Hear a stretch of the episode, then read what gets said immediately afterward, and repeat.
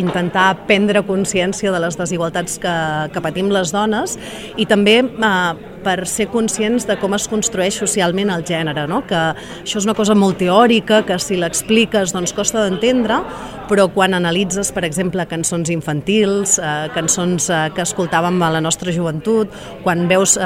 escenes de pel·lícules, te n'adones de quin rol assigna la societat als homes i quin rol assigna les dones, i com moltes d'aquestes desigualtats s'expliquen per totes aquestes capes que van generant no, eh, el que s'espera de les dones i el que s'espera dels homes. Jo crec que, que a poc a poc, tant des de les institucions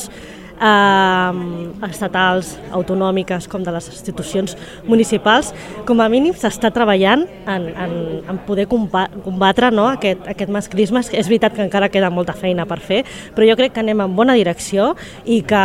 que de mica en mica s'aconseguirà.